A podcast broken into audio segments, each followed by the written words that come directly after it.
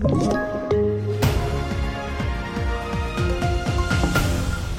TV4-nyheterna börjar med att det nu konstaterats flera smittofall av apkoppor i Storbritannien hos personer utan koppling till resor till Västafrika. Det rapporterar TT.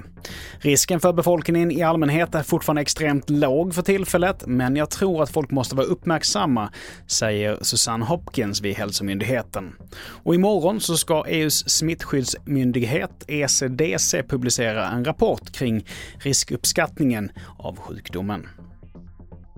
Och delar av Spanien upplever just nu den hetaste majmånaden någonsin med temperaturer på över 40 grader, det rapporterar BBC. Landets väderorgan varnar nu för en av de mest intensiva värmeböljorna på flera år och på sina håll så är det 15 grader varmare än normalt vid den här tiden på året.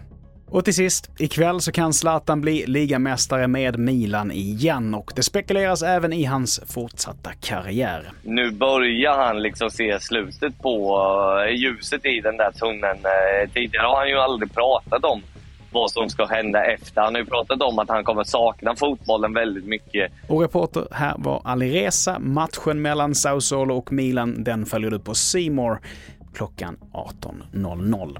Flera nyheter det hittar du på tv4.se. Jag heter Mattias Nordgren.